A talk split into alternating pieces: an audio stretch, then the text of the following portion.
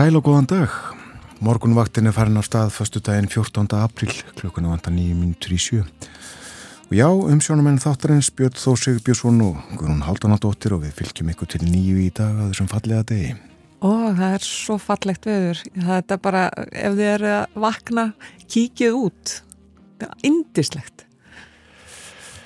Hittinn svona öðru korum megin við núlið, uh, fleiri rauðartölur í kortinu heldur en bláar. Og raut þýðir hiti blátt kuldi. En uh, við sínist uh, vera fjórastega hiti þar sem hlýjast er eða var fyrir 50 mínútum eða svo. Og það sem er kallt, já, það er ekkert mjög kallt en við förum hringin tveggjastega hiti í Reykjavík klukkan 6 logg léttskíð tveggjastega frost á Kvanneri, tveir metrar þar andaði aðeins á norðan. Einstigs hitti í Stikisólmi og heiðskýrt tveggjastega hitti á Patrísfyrði og Logn þar. Ein gráða í Bólungavík þrjár á Holmavík einstigs hitti á Blönduósi og við Söðunesvita fimm metrar þar norðaustan. Tveggjastega hitti á Akureyri allskíjað hitti við Froskmark bæði á Húsavík og á Rauvarhöfn en einstigs hiti bæði á skjaltingstöðum og eigilstöðum, allskíð á eigilstöðum. Einn gráða á höfni Hortnafyrði en hiti við frostmark bæði á Kvískerjum og Kirkjubæðaklustri, Logn á klustri, fjórastega hiti á Stórhauða í Vestmanægum, þrýr metrar þar, það má kalla það Logn á þeim slóðum. Og þryggjastega hiti í Árnesi og uh, heldur hlýra á hálendinu heldur en í gerðmorgun þá var frostið að 8 stegum eða mannrétt en uh, tveikja stega frosta sem kaldast var í dag. Og það var við sandbúðir. Svona viðræði á landinu klukkan 6 Já og það er hlíti dag. Það er þryggja til 11 stega hitti og hlýjast á söður og söðasturlandi en það er norðlega átt eins og þú segir og er norðvestan austast og það er kvassast en þetta er nú ekki mikill vindur. Og það er spáð dálítillir rigningu eða snjókomin norðan austalands og sumstað þókusúlt við ströndina en að mestu léttskiða sunnan heiða. Og það lægir í kvöld og, og í fyrramáli að vona hægri breytilegri átt og bjartuðri en það verður skýja norðan til framöndir hádegi. En svo fer að aukast suðaustanáttin og þyknar upp sunn, sunnalands síðdeis á morgun. Og það verður lítið sátt að væta, væta þar um kvöldið. Og hitti verður hins vegar áfram talsverður þrjú til 11 steg að deginum en von og nætur frosti og sunnudaginn þá er austan og suðaustanátt og ryggning með köplum en lengst að þurft á Norðurlandi og svo bætir í úrkomu sunnan til um kvöldi. Og þá verður hitin fjögur til 11 stygg. Einmitt það. Og í samræmi við hittastíðið svol til hálka á vegum var að við hálku á Holtaverði heiði og Bröttubrekku. Hálka líka á nokkrum fjallvegum á vestfjörðum. Það er eitthvað um hálkubletti á Norðurlandi, sömuleiðis á Norðausturlandi, aðalega inn til landsins á Norðausturlandi og það eru hálkublettir á fjallvegum á Östurlandi. Og svo er eh, vara við reyndirum sem eru á röldi milli Lóns og Djúpavoks þó nokkrir hópar af frindirum sérst þar við veg. Svona er aðstæður í landinu að mótni fyrstudagsins 14. april Við hlustum á lag, við förum á tónleika í hörpu með hljómsettinni Nýtönsk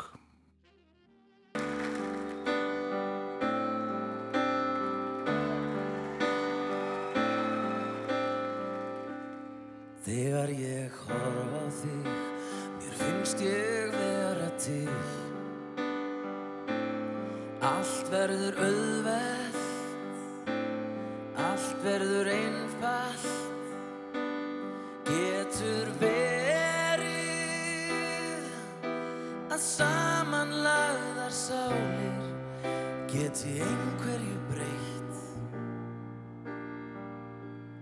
Þegar ég horfa þig, lifna dauðir hlutir við.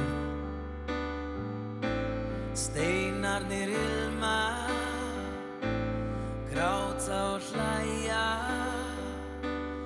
getur verið.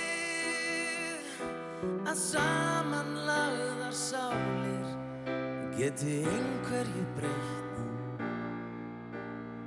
allt verði yfir stíið öll náttúrunnar lögmál. Og við svífum um loftin tvær ástfangnar flugvilar yfir út af innu ég elska þig það sér okkur enginn þar.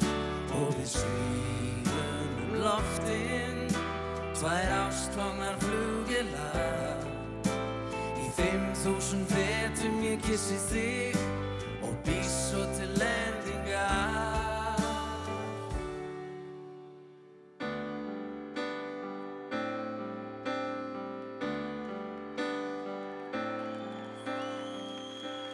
Þegar ég horfa þig er veröldin svo smá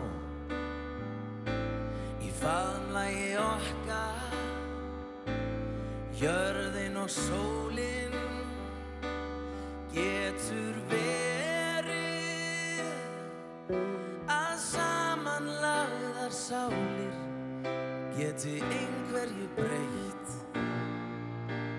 Að allt verði yfir stíið öll náttúrunnar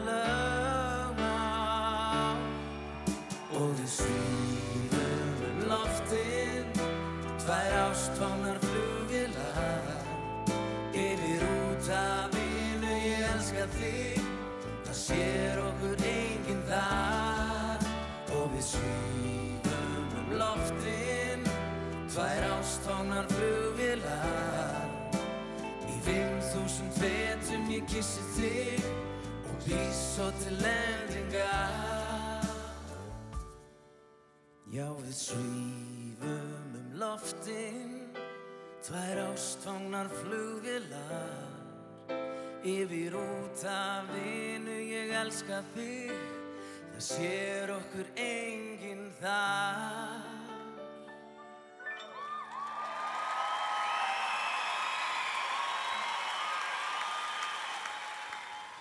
Nýdönsk og lægið flugvilar, það var nú ekki út í bláin sem við völdum þetta lag, við ætlum nefnilega að fjalla um flugvilar í þættinum í dag, þó ekki ástfangnar. En það líður að fréttum kom eftir uh, rétt rúma mínútu og við förum ítalega við dagskráð þáttanins að fréttunum loknum.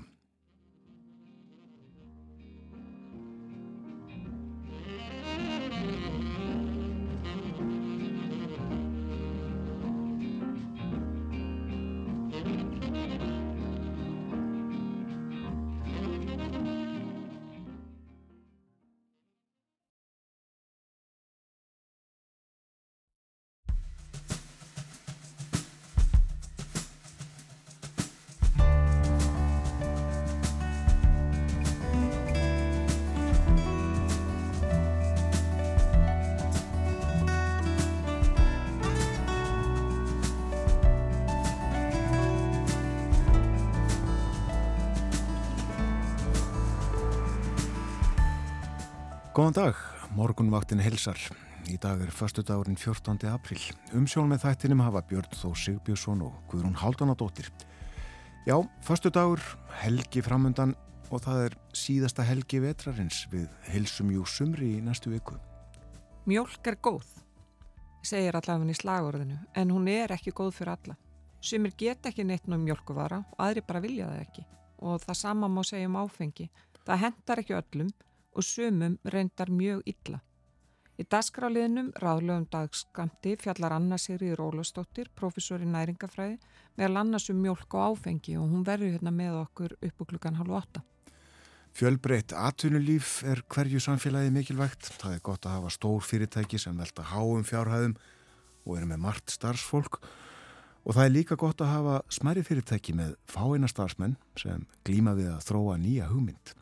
Og við ætlum að fjalla um síðanemdu fyrirtækin, sprota fyrirtækin svokolluðu og tala við Fítu Abu Lipte, hún er frumkvöðull rekur sprota fyrirtækið Geosílika í Reykjanesbæ og hún er jafnframt formaður samtaka sprota fyrirtækja. Og svo ætlum við að tala um flugvélar. En það vakti miklu aðtegli þegar Æsland er tilkynnt í síðustu viku að félagi ætlaði að fljúa á Airbus þótum í stað, stað Boeing eins og það hefur gert í áratvíi og ákvörunni tekin eftir nokkur ára yfirlegu. Við spjallum með þetta og fleira við Sigurjón, Kristján Sigurjónsson freðablaðamann hér og eftir. Ímislegt á dagskrafsum sig hjá okkur á morgunvaktinni í dag. Eh, fleira, kemur ljós, tónlist líka og uh, veðrið.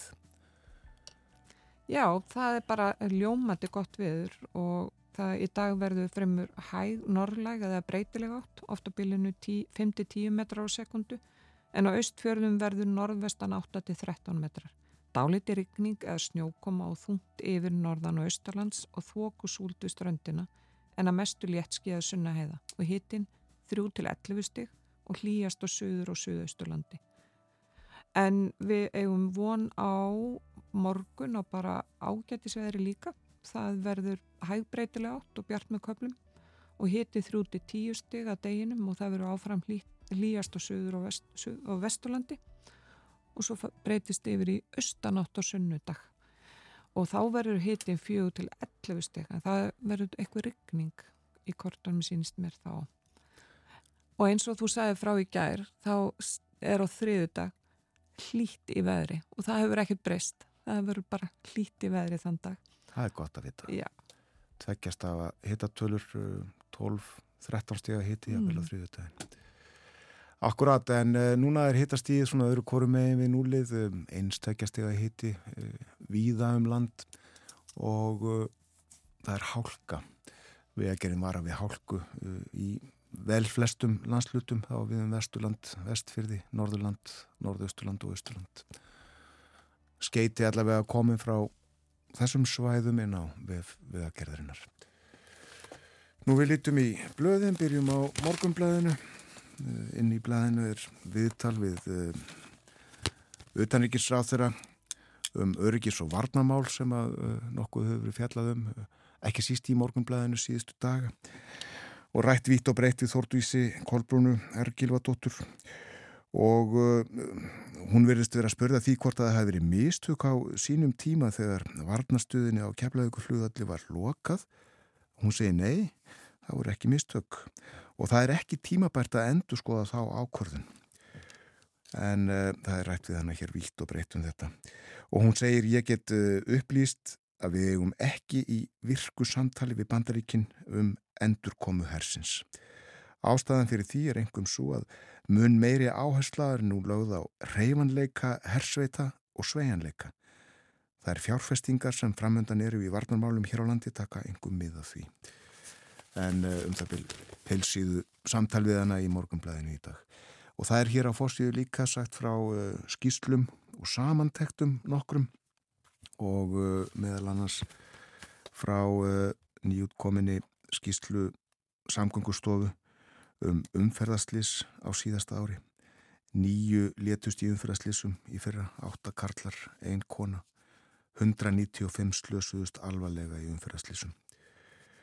Og uh, það kemur fram hér að uh, fjórir þeirra sem að létust á síðasta ári voru fótgangandi, einn var á rafhlaupahjóli, fjórir voru í bifrið og þetta er í fyrsta sinn síðan 1973, 49 ár sem fleiri létust úr hópi gangandi og hjólandi heldur en úr hópi fólks í bílum, ökumanna eða farþeða. Og uh, hér segir líka samgöngustofa hefur metið kostnað vegna allra umferðarslýsa á landinu og er talið að í fyrra sé hildar kostnaður vegna þeirra 69,2 miljardar en uh, farið uh, ítalega yfir þessa skýslu í morgunblöðin í dag. Og hér er önnur samantækt uh, þannig er að íslenskar getrunir hafa tekið saman tölur upplýsingar um áallega veldu í íþrótta veðmálum og þessa tölur eru unnar út frá rannsóknum. Og það er áallega að Íslandingar eigðu um 20 miljörðum í fjárhættu spil á erlendum veðmálasíðum á hverju ári Það er ekkert smá. Af fjárhættu spilum á erlendum vefsíðum eru korki greitir skattarni önnur ofinbjörg göld en það hafa fyrirtækin að baki umrættum síðum ekki leifi til starfseminur. Og uh, enn af samantæktum uh, nýskráningum einstaklinga og fyrirtækja á vanskilaskrá hefur fjölgað á liðnum mánuðum og uh, þetta er sangat upplýsingum frá kreditinfo. En uh, óinu fá fyrirtæki eruðu gjaldtróta á síðast ári en gjaldtrótum fyrirtækja hefur fjölgar hrætt núna á fyrstu þremur mánuðum þessa ás. Þetta var það helst að fórsíðu morgunblæðsins.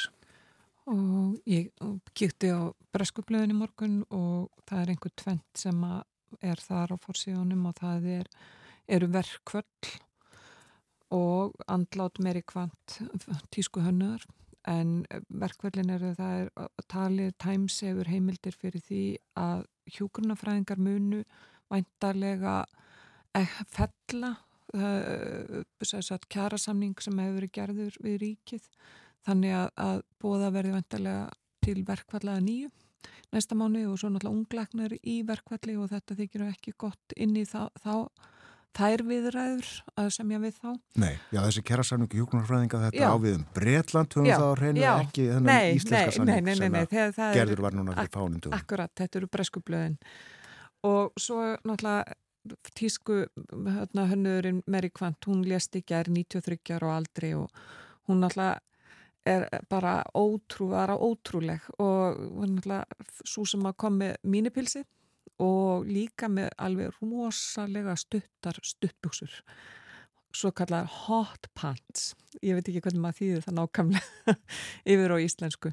En svo hún var líka bara mikil fyrirmynd margara kvenna og mikil feministi og, og rak vestlun með eigimanni sínum í London, Basar og svo var hún svo þekkt líka meðal hans fyrir klippinguna hárið og það er Vítal Sasson sem átti heiðurinn að því og þetta var algjör tísku bylgja svona eins og hennar hönnun var vinsal út um allan heim og hennar er minnst á forsýðum bresku bladana enda sennilega frægast í breski hönnuðurinn, bata hönnuðurinn mm. Þetta er svona helst í bresku blöðunum. Og frá Breitlandi fyrir við uh, bara yfir Ermarsundið það ekki, ef ekki að hlusta bara á franslag? Jú, og um mitt, og það er Jane Birkin sem syngur það, en hún er nú samt ekki frönsk. Sungið á frönsku. Æja.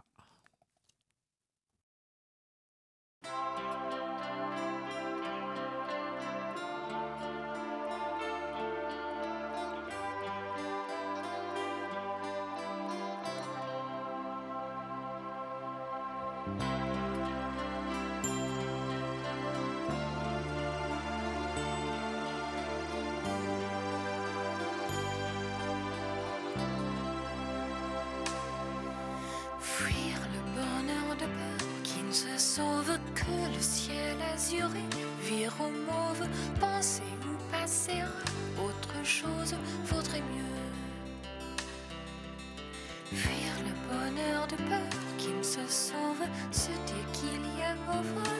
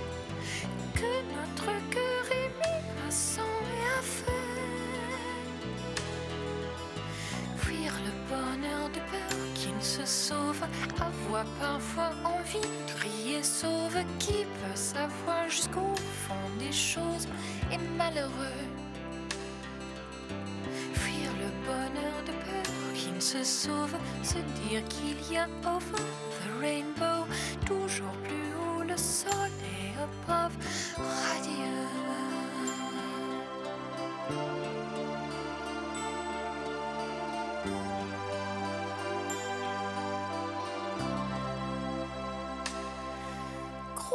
Aux cieux, croire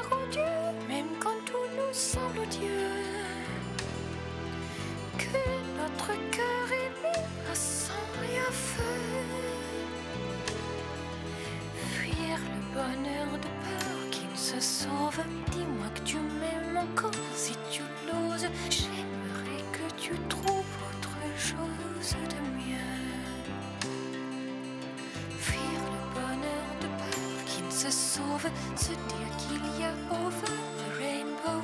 Toujours plus haut le soleil above. Radieux.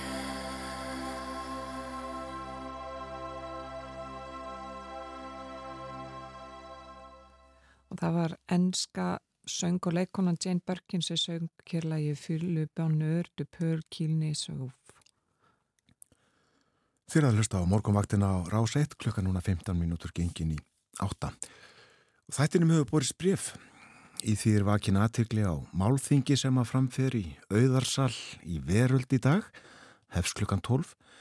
Yfirskriftin er náttúru sín á 20. og 1. öldinni og þetta málþing er liður í hátíð líffræðilegar fjölbreytni og að því standa náttúruminjasafn Íslands og fleiri. Og í brefinu segir Veröldin, eins og við mannfólkið þekkjumanna, er komin á heljar þröm. Líffræðilegri fjölbreytni hefur nignað stórlega vegna aðtapna mannsins. Og setna, umhverfi svá nútímans má rekja til rofs á sambandi manns við náttúru. Rofið hefur leitt til ofnýtingar, hamfara hlínunar og versnandi skilirða fyrir fjölda lífvera og vistkerfa. Og í símanum hjá okkur er Skúli Skúlason, lífræðingur og profesor við Háskólan á Hólum og Náttúruminnesafnið. Heil og sætl og góðan dag, Skúli. Já, góðan dag. Takk fyrir. Þetta eru stóru orð þarna og uh, áhugaverðum ég langar að spjalla uh, aðeins um þetta róf, þetta uh, róf á sambandi manns við náttúru og það byrtist neðar annars í ofnýtingu og hnignun lífræðilegar fjölbreytni en getur við rakið okkur aftur í tíman og fundið út hvenar samband manns og náttúru tókar að trostna?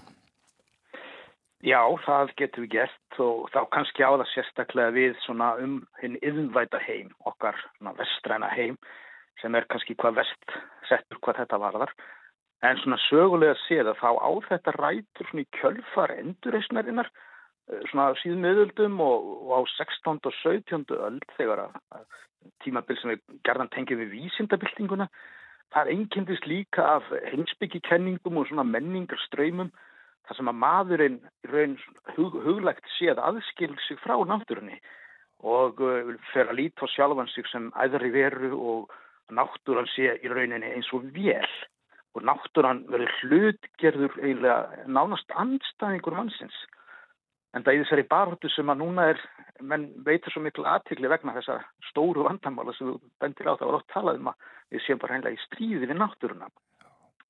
Þetta er svona Það eru heimsbyggingar eins og franski heimsbyggingurinn Descartes er gærna þarna nefndur þar sem að í rauninni allt siðferði, allar, allir dómar og ákvarðanir um gangmála í heiminum voru bara raunlega á vegum mannsins, við getum sagt það. Þetta er náttúrulega gríðarlega alvarleg sem sagt róf sem þarna á sér stað sem síðan þegar að blómstra getur við sagt í samfélögum vegna þess að þetta er náttúrulega afskaplega þægilegt svona ástand og þú hefur mjög miklar pólitískar afleðingar fyrir uppbyggingu samfélaga þegar þessi afstæða til náttúrunar og nýtingar hennar fyrir að vaða uppi viðnaðingun og fleiru. Og þetta uh, gerist ráttur að uh, fólki hafi lifað bara að hafa gæðum náttúrunar í allar þessar aldir? Já, þetta er mjög mikilvægt að gera sig grein fyrir því að þetta er stött síðan og maðurinn er að sjálfsögðu dýr fullkomlega í tengslum raunverulega sögulega séð í tengslum við náttúruna, önnur dýr og aðra lífur og, og öll vistkerfi í raun og veru. Og það er svo ákválega margt sem við getum lært þá af því hvernig þetta var, getur við sagt með því að skoða þessa sögu frá ymsum hliðum og það er akkurat það sem við erum að gera, gera á þessu málþingi. Þetta, þetta byrjar í heimsbygginni, já Já, er, þetta er svona samspil heimsbyggi og, og trú og, og svona, menn er að fá trú, mikla trú og getu sinni. Eitt vandamáli sem þarna kemur mér skýrt upp, þá kannski sérstaklega í vísindum, að það er að við upplifum það að, að við bara getum allt. Við getum leist öll vandamál og vandamálinn verða þá meira kannski bara svona valdatæki, við beitum þekkingunni meira eins og valdatæki frekar en að nota þekkinguna til að læra um náttúruna, til að lifa í henni, til að lifa með henni.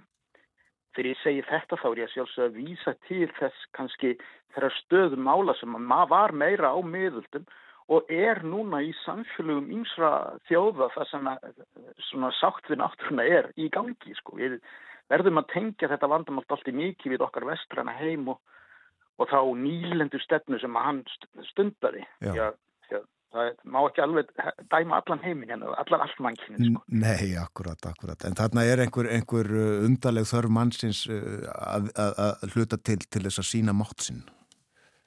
Þetta er, já, þetta er gríðarleg stjórnsemi og við sem að stúdirum lífræðilega fjölbreytni og gerum okkur greið fyrir því að hrun hennar sig kannski aðal vandamálið á samt lofslagsbreytingum að við bendum gerðan á það að þetta er ákveð form svona sjálfskverðni, eða ekki orðað að þannig að sko fjölbreytni náttúrunar er raun og veru hafnað með þessu.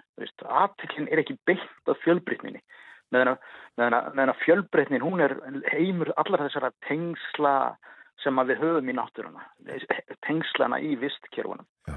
og, og, og þannig, að, þannig að þetta er það sem margar þjóðir við tengjum þetta oft við frumbyggja, við getum líka bara tengt þetta hérna að okkar þjóð við bara góða bændur sem er, í, hérna, er, er, er að leysa sín mál með því að horfa til himins og, og hugsa um regn og sól.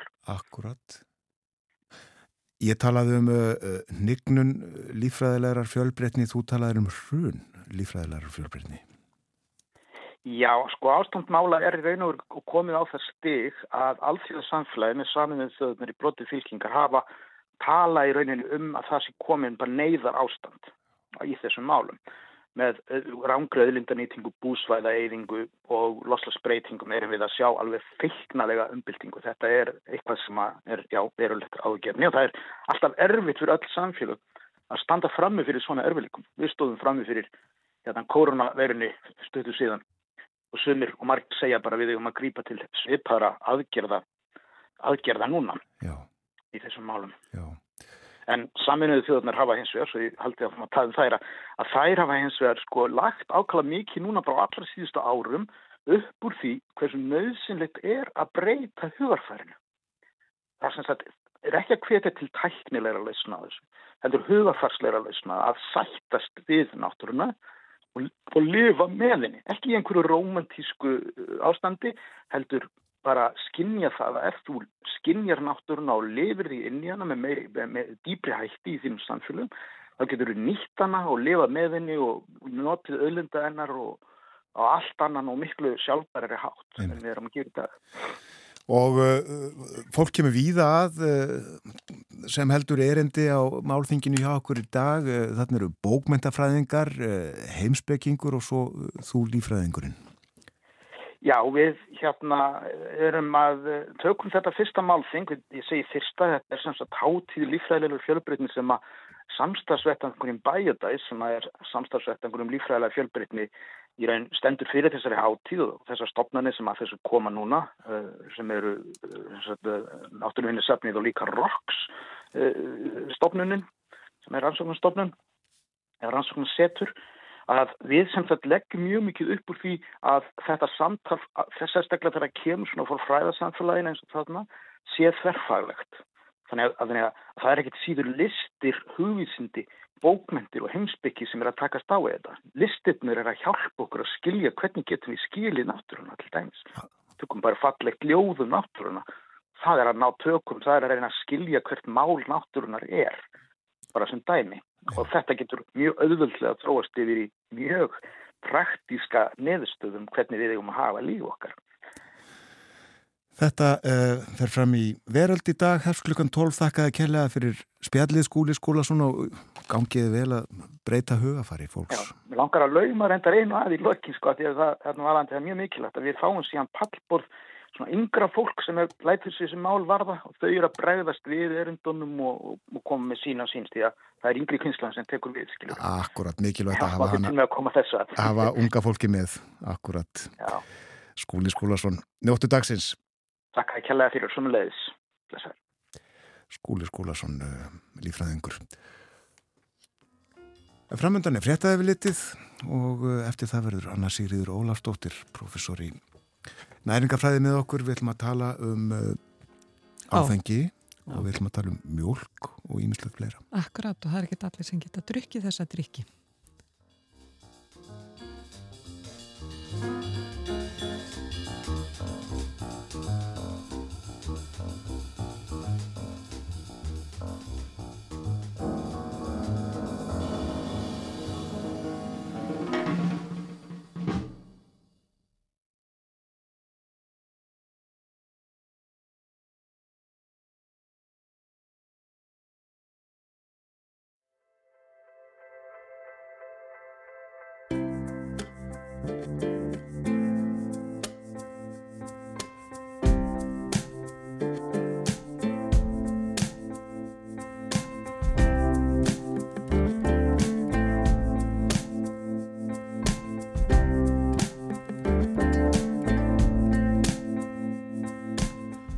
Sæl á nýð þýrða að hlusta á morgunvaktina á rásitt klukkan núna réttliðilega hálf átta.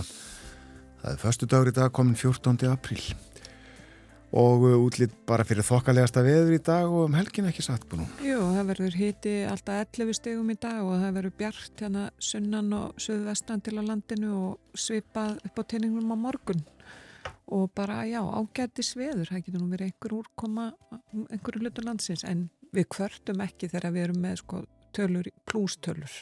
Þarst að móti við uh, mælum með útivist. En það er ímislegt á dagskrá hjá okkur í dag. Minni á að uh, hér eftir frettnar klukkan átta verður Kristján Sigurjónsson, ferðamála bladamaður með okkur, rittstjóri túrista, við ætlum að tala um flugvélar.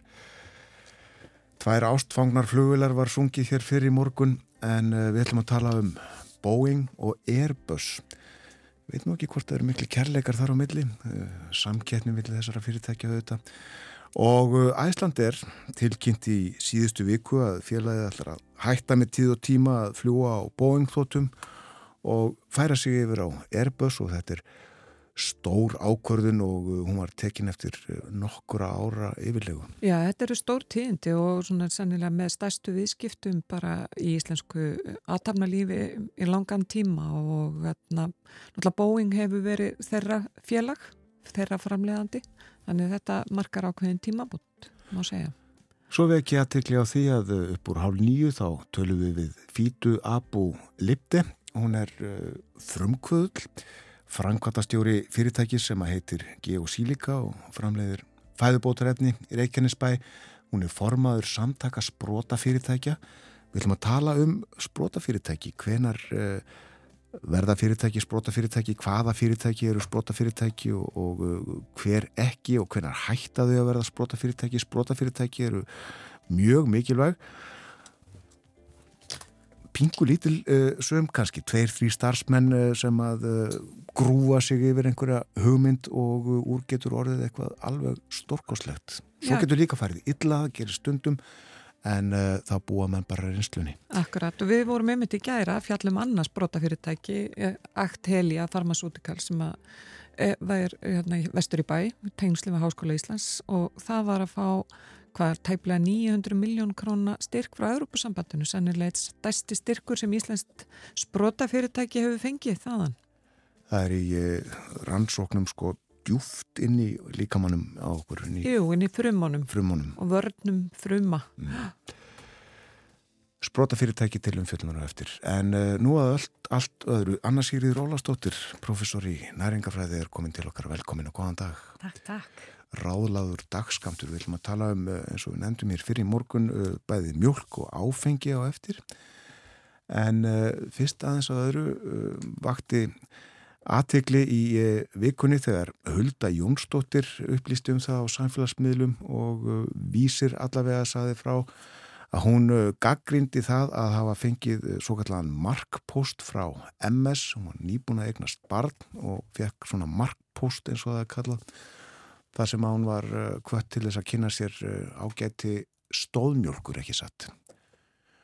Og þó að við sko, förum ekki dýpra í hennar gaggrinni eða, eða óanægu með þetta en uh, þú varpaðir fram í samtali við okkur Guðrúnu uh, hér fyrir bærinu menningarnæmi uh, sem er stórt hugtak auðvitað en það á við um fæðu líka eins og Já. svo margt annað. Já og, og þetta menningarnæmi þegar kemur á mat á ennsku cultural sensitivity að þetta er okkur það sem við horfum á í dag er svo mikilvægt líka í allri ráðgjöf og þegar við búum til ráðleikingar og þegar við erum með kvartningu í tengslum við mataræði að, að það þarf að virða bæði val og viðhorf og ra, ra, laga þá bæði ráðleikingur og stuðninga því. Markasetning er svo náttúrulega bara enn annar handlengur og ekki það sem ég vinn við en þarna, en, en þarna erum við líka að horfa sko á dæmi sem að eins og með stóðmjölkina sem að sko er mjög áhugavert viðfangsefni og fyrir 20 árum síðan, það eru rúmlega 20 ár síðan þessi vara er í raun og veru Eh, búin til og má segja svona eh, líka við þarna sprótafyrirtækinn sem er að tala um áðan það er að segja þetta er mikil nýsköpun á sviði næringar og þetta var algjörlega brautriðanda starf hjá Ingu Þóstóttur og hennar samstagsfólki, hún er svona profesor við Háskóli Íslands. Og á þeim tíma þá erum við að tala um sko fyrir næstu í aldar fjórðungi þá er staðan svo á Íslandi að mjög mörg börn eru með e, játskort og það þurfti einfallega að bregðast við því. Og það, þessi var að þá á þeim tíma þróið í raun og veru af þarna fagfólki við Háskóla Íslands og víðar. og verður til þess að verður til þarna vara sem bara gjör breytir þessari stöðu. Já. Það er að segja að játskórsblóðleysið hættir að vera vandamál og þetta var að þá fyrir sagt, frá eftir sex mánuðar aldri að eh, tveggjára og þarna, þannig að þetta sýnir sko að þarna er eitthvað, eitthvað sem skiptir gríðarlega mála sínum tíma en það líka skiptir mála okkur hver er að upplýsa og hver er að fræða og hvernig að fræður og hvaða valkostir eru í staðan. Já. og í dag náttúrulega þá, þá búum við allt öðruvísu og breyttu samfélagi bæði með til, tilliti til í raun og veru gilda og viðhorfa. Og það er oft talað um sko þegar við horfum á menningarnæmi að þau þurfum að horfa á sko hvað þið líkar við, hvað þú þart og hvað þú vilt. Og alltaf að hafa þetta í huga. Og þarna, og þarna er náttúrulega sko mjög áhugavert til dæmis ef við horfum á þetta sko hverju gefa út ræðleikingar og við horfum á ennbætti landlæknis og við horfum svo á heilsugjastluna sem er mikilvæg í að miðla og þá sérstaklega ungu smábarna vend og hérna að þá, þá til dæmis e, núna bara á síðasta ári að þá komu út okkur nýja ráðleikingar fyrir e, grænkeraða vegan mataræði e, bæði varðandi meðgöngu og svo ung börn Já. og það er eftir kalli frá samtökum grænkera. Þannig að þarna unnum við og Háskóli Íslands með í samstarfi við samtökin í að búa til aðgengilega eh, fræðslu upplýsingar og valkosti fyrir þennan hóp og þá náttúrulega þarf líka að leggja þetta fram svolítið jöfnum höndum og meta í raun og veru hver, hver er þinn skjólstæðingu, hvernig er þetta að tala við að þú fáir upplýsingar sem er í takt við þínar þarfi. Já, og þarna komum við myndað kjarnanum í þessu hjá okkur. Stóðmjólkinu, þetta bilding eins og segir og, mjög kerkomin mjög víða en hún hendar ekki öllum og þarna nefndur grænkirana, já. Já, og, og, og þarna náttúrulega sko, þarna ef við horfum á okkur að þetta að, að, að svo okkur, mér fannst svolítið áhugavert að okkur nefndi þessu samtali líka sko þetta að við getum alveg leita okkur að upplýsingum sjálf. Það er líka skilda okkar sem að vinnum í fræðslu og, og, og eins og ef við horfum á bara hverjir eiga veita stuðning að þá er skilda að upplýsa og veita fræðslu og stuðning og stuðning í takt við okkur þetta þínar þarfir og menningarnæmi. Þannig að, að það er ekki sjálfgefur að við getum í raun og verið leita okkur upplýsinga eða að, þarna, að það sé alltaf þannig að við rötum kannski á það sem er besti stuðningur en hverju sinni því að þarna helsu og næringar læsi er bara mjög breytilegt og þarna þurfum við að horfa á líka sérstaklega þá kannski viðkvama hópa uh, og, og, og þarna og við veitum það að til dæmis og við höfum séð og ég hef talað um hérna áður þetta með hvernig upplýsinga óriðan og ofgrunótt upplýsinga í samfélagin í dag líka getur valdi kvíða óryggi og þá hjá svona viðkvamum hóp. Og þá getur oft þessi markasetning orðið að einhverju sem ítir enn og aftur undir það að því að þetta gengur nærriði er og snýr sko sinnir engan veginn að svara engan veginn þínum viðhorfum. Þannig að, að, að minnst þetta gríðarlega mikilvæg umræð og sínir bara líka að við getum ekki gert eitthvað sem að var kannski einhverjum þótti sjálfsagt fyrir 20 árum síðan að staðan er bara allt öðun önnur í dag. En, Þannig að, að þetta, þetta skiptir allt sama máli. En annars Sigriður, er þá munurinn sá að það er bara þessi meira af játni í, eða það er sett aukarlega játni í stóðmjölk? Eða, e, Já, það er líka samsetningin og hlutvallprótina og annað.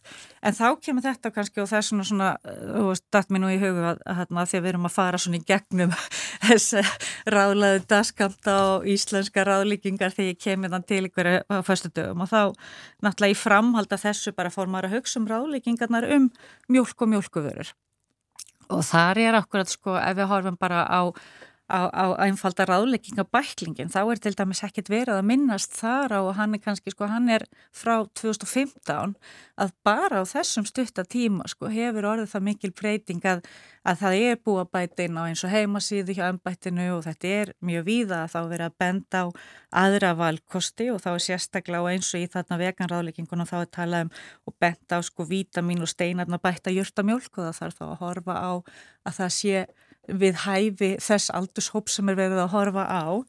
En, en þetta er misábyrrandi í ráðleggingum. Og, og þá okkur þetta við horfum á, á þetta með menningar næmi að þá er svo áhugavert að því að þegar ráðleggingar eru búin til og nú var okkur líka frétt í vikunum okkur þetta sko e, nýjar ráðleggingar, norræna ráðleggingar eru í byggjerð og eru langlegin að komnar og það var verið að opna þær til umsagnar fyrir almenning. Já. Það er hægt að gera það núna næsta mánu en það eru upplýsingar um þetta hægt bara að googla þetta eða finna, finna linkin inn á eh, síða embættisins en þetta er akkur þannig eru sko um 400 sérfræðingar á Norðurlöndunum búin verið að leggjast yfir þúsundir og þúsundir ofan af vísendagreinum og uppfæra stöðu þekkingar frá því að síðast voru gerðar aðlíkingar þannig að það til dæmis kemur nýr bæklingur og endalega á, á, á næstu árum og, og þá yfirfæsla úr þessu norræna yfir eitthvað sér íslenskt og það sem enginn er okkur norrænt fæði er að mjölk og mjölkumatur er til til að fyrirfæra mikill í okkar matar menningu. Hvað eru uh, ráðlega mörg mjölkugljósa dag fyrir var að segja 15 kall. Já, það er sem sagt almenna ráðleggingin og þetta að sagt, Við erum alltaf að horfa á þetta fæðu tengdar ráðlíkengar eða food-based dietary guidelines og það skiptir svo miklu málu þegar við borðum matin ekki næringarefni. Þannig að við erum þarna að horfa á bæði sko prótein, kalk og jóð og önnu stein og snefilefni þegar það er verið að horfa á mjölkuráðlíkinguna og það er sem að tala um akkurat hæfilegt magnur, tvö glös, diskar eða dósir af mjölk eða mjölkuverum á dag eða 500 millilítrar. Og þarna getur svo ostur verið hluti af þessu og við sjáum í nýjustu landskonun og þá okkur sko mjölkin er að fara niður, sérstaklega drikjarmjölkin en það er helst osturinn svona sem að flestir halda inni. Og það hefur líka fjölga þeim sem hafa ost sem eina einu mjölkuverðin að segja að borða. En þannig líka svo mikilvægt og okkur þetta þá veist að hérna, við þekkjum svona frasa og mjölkjum að mjög sínileg í allri markaðsetningu þegar maður sjálfu var bad en það skiptir líka máli að takmarka neyslar mjölkumverum af því að það er ekki þú veist bara því meira því betra. Þannig að þetta er þessi skamtur Það er hægt að drekka ofumikla mjölk Það er hægt að drekka mm. ofumikla mjölk og, og þarna, þannig að þetta skiptir alltaf máli en að balans, það þarf að vera pláss fyrir annan mat. Og þar líka þá akkurat ef við horfum á ráðlíkinguna hún er sko fytu minni og hreinar mjölkuvörur ráðlega velja sem oftast fytu manni ósigrað og lítisigrað mjölkuvörur án sætuðna og þetta þessar hreinar vörur og við erum alltaf að tala um þetta okkur meira af hreinum vörum það sem engur bætt í en það er ennþá svolítið sko umræðin hefur verið að breytast svolítið um þetta sko hversu mikla áherslu maður leggja orðið fytuminni mm af því að það er svo mikill fjölbreytilegi sko. Mjölkumatur er svo stór flokkur og það er allt annað ef þú ert að horfa á síðar mjölkuvörur jáfnveil annað ef þú ert að horfa á osta heldur en að þú ert að horfa á sko drikjarmjölk og líka því að þá er þetta orðið svo ólíkt eftir sko hvaða magnu ert að ymbir í einu og hvaða áhrif það hefur svo á, er einu að vera heildarmyndina. Þannig að við erum alltaf að horfa á þetta sko að, að þetta er ekki bara næringarinnihald í matvælinu sem er verið að horfa á, heldur þetta er samspil næringarefna og svo þetta fæðu munstur og þá kemur okkur til ljós að það er stór vandi í dag að það er okkur það að, að ef við ætlum að taka ákverðin um sko á áherslan að vera fyrir minni verið eða ekki, þá vandar rannsóknindar sem bera vel saman sko hvað gerist að þú drekkur feitamjölkistæðin fyrir léttari? Og af því að ef við horfum á fæðumestrinu sem er í gangi að þá er þetta vestrætna fæði sem er með mikið af unnumatvælum það er líka út af þeim ráðleggingum sem hafa verið meira af þeitari mjölk og meðan fólk sem almennt lifir hotlar yfir lífstíl er mjög oft meðvitað og er að velja fyttu minnivörur og þá er þetta að fara að hafa áhrif á það hvernig við getum tólkagögnin, hvernig við getum hort á rannsóknirnar. Þannig að þannig er ennþá í dag sko að, að, að ég var bara akkurat að horfa, var að skoði gerðkvöldi akkurat þarna kaplanum mjölk sem er til umsagnar núna í norrannur öðleggingurum og maður veldi mikið fyrir sér hvort þetta myndi breytast. Líka hvort það myndi hugsanlega breytast skamturinn með tilliti til annars vega grænkjærafæði sem líka við erum að horfa á að því að áherslan á að vera meira á sjálfbarni í nýjum ráðleggingum. En þá er okkur verið að benda á það að í dag þá vantar okkur enþá rannsóknirna til þess að í raun og veru segja algjörlega til um. Þannig að við þurfum alltaf að taka ákverðunum mótun ráðlegginga út frá þekkingu á hverjum tíma Já. og kalla þá eftir hvar eru göti þekkingunni. Og þannig er okkur sko að það, það, þetta samspil næringarefna og svo sko lífvirk efni og vinslan getur haft áhrif, þú veist, síring, gerjun og annað getur framkalla einhver allt önnur áhrif heldur en hrein og unnin mjölk, þannig að osturinn er bara kannski allt, allt annar flokk.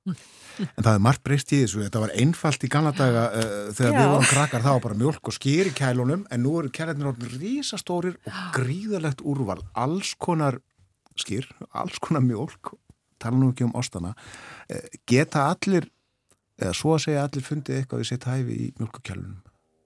Já, já, áhersla nætt að vera þetta á hreinarvörur og, og á þetta hæ, hæfileganskamt Hérna, en, en mér langar líka til okkur að því við erum að tala um menningarnæmið og það var svona útgáðspunkturinn að þá okkur er sko við sjáum til dæmis sko að, að mjölk og mjölkumatur síðan sé ráðleggingi í fæðutengtum fæðumiðum ráðleggingum er fyrst og fremst Evrópa og Bandaríkin og svo líka Östurlönd nær.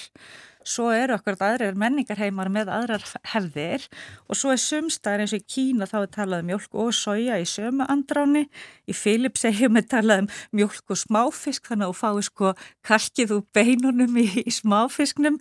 Þannig að, að þarna er svo mikilvægt þetta að hugsa um hver er útgangspunkturinn og það er að þegar við erum alltaf að horfa þú veist ráðlíkingar séu léttasta leiðin að einhverju út frá hvað fjöldin er að gera, þetta sniðið að fjöldanum en ekki verið að hugsa um alla hópana sem við þurfum svo þegar við erum komin í ráðgjöf að vera miklu, miklu dögleri að horfa til.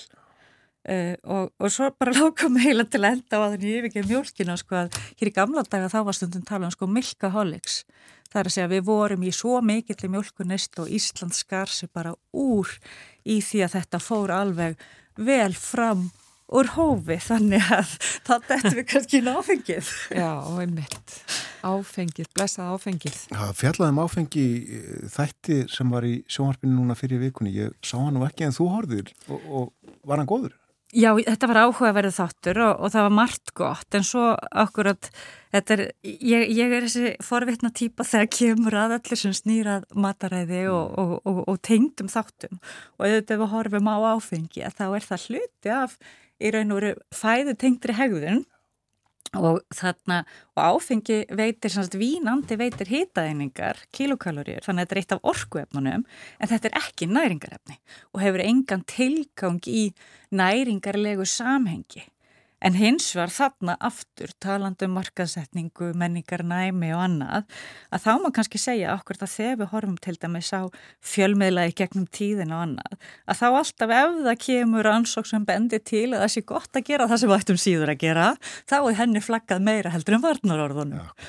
Þannig að, þarna, að við þekkjum alveg hver þekkir ekki sko þetta já já eitt til tvö glös af góði vín eru góð fyrir þig og þá eru ákveðin rauk þarna baki en nýjasta yfirlýsingin frá dæmis alþjóða heilbreyðsmálastofnunum kom með yfirlýsingu núna í janúar sem byrtir í Lancet Public Health það sem er lögð áhersla og það er ekkert magna áfengi sem er í raun örugt eða án áhættu með tilliti til heilsu. Þannig að þetta er aldrei til heilsubótar sem þú farðir drikkin, sama hversu lítill hann er, heldur snýsta um þá bræðu upplifun og, og, og annað og akkurat hluti af einhverju menningu eða ómenningu sem við höfum tamið okkur. Já, sumir eru nú sækja bara í ástand. Já. En þessi þáttur þarna var um áhrif, er það ekki fyrst og fremst áhrif áfengis á líkamann?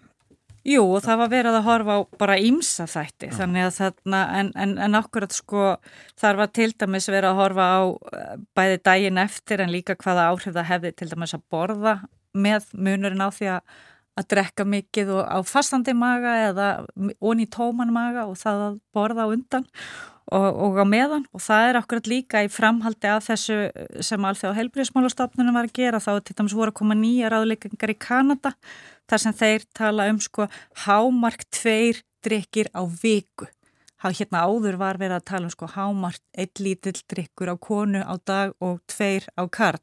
Já, okay. Þetta á ekki lengur við. Við þurfum að, þetta eru bara alltaf verið að fara þarna neðar með það sem út frá áhættunni og hvar þessi lína liggur og sko drikkur er einn lítill bjór eða 140 millilítrar af víni sem er svona lítið vinglas eða inna við hálfur desilítra sterku víni og þetta er svona maks þetta tvísvar í viku.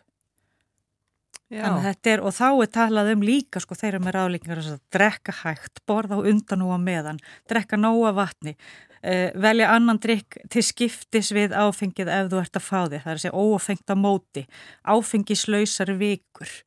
Og þannig að, að það er mikil sko, og þetta við hefum kannski eftir að sjá þetta okkur ennþá sterkar hér og ég er svolítið hissa að þetta sé ekki búið að vera ennþá sínilegra hér í fjölmiðum af því að þetta kemur frá alþjóða helbriðsmálastofnunni og ef við horfum á sko tiltula nýjótkomnar tölur í talnabrunni eh, hjá ennbættinu að þá akkurat sko tölur frá 2022 þá eru 35% Íslandingar sem drekka áfengi hverju viku og talaðum að fjórðungur Íslandinga, fullarðina Íslandinga hafi skadlegt drikkjuminstur.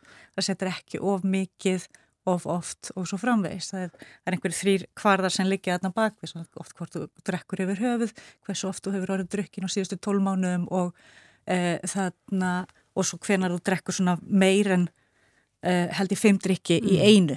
En svo hefur líka verið að talað um það hér að, að áfengisneisla eldra fólks hefur aukist mikið. Það er fólk er að sulla miklu meira. Hér Já. áður duttu Íslendika bara í það um helgar og voru svo bara ekkert að drekka áfengi þess á milli.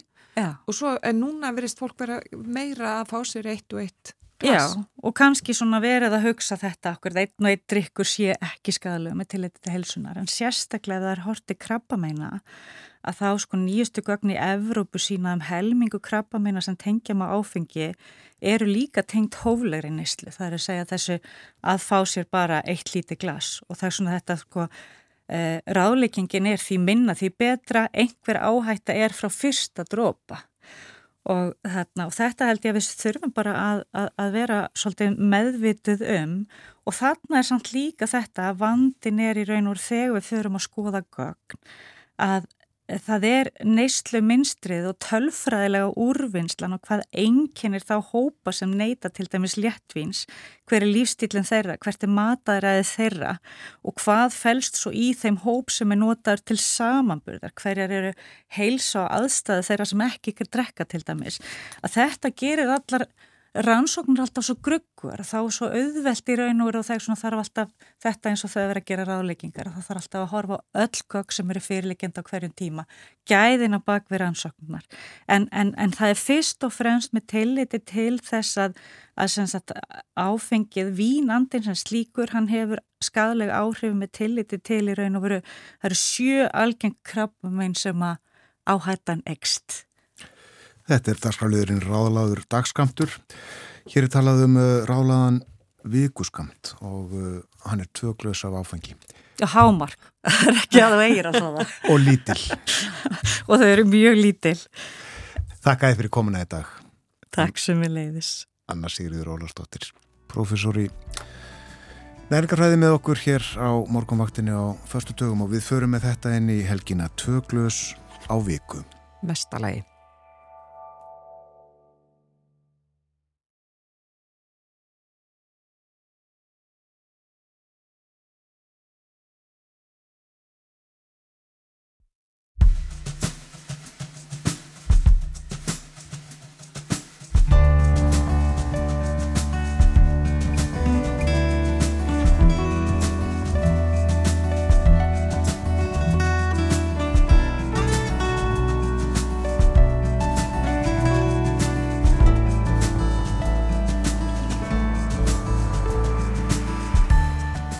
Sæl á nýð, þetta er morgunvaktin á rás 1, klukkan farin að ganga nýju, það er förstu dagur í dag.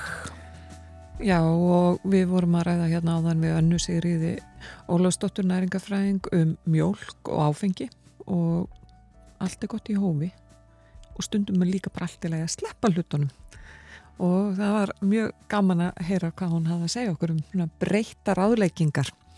En nú ætlum við að ræða um ferðamál og það engum flugvilar. Já, við erum komin í sambandi Kristján Sigurjónsson, ritt stjóra túrista. Heil og sæl og góðan dag. Góðan dag. Já, við ætlum að tala um flugvilar hér á eftir, en uh, Æslandi er tilkynnt í síðustu viku að það ætlar að hætta að nota Boeing þóttum með tíð og tíma og, og uh, snúa sér alfarið að Airbus þóttum. Meira en þetta á eftir fyrsta uh, nýjum samanburði sem að gerðu var í Svíþjóð á verðlagi á Norðurlöndunum. Það var, er það ekki banki í Svíþjóð sem að greindi þetta fyrir Svíjana til þess að komast að því fyrir þá hvar, hvert hagstaðast er fyrir þá að ferðast af Norðurlöndunum þar segja?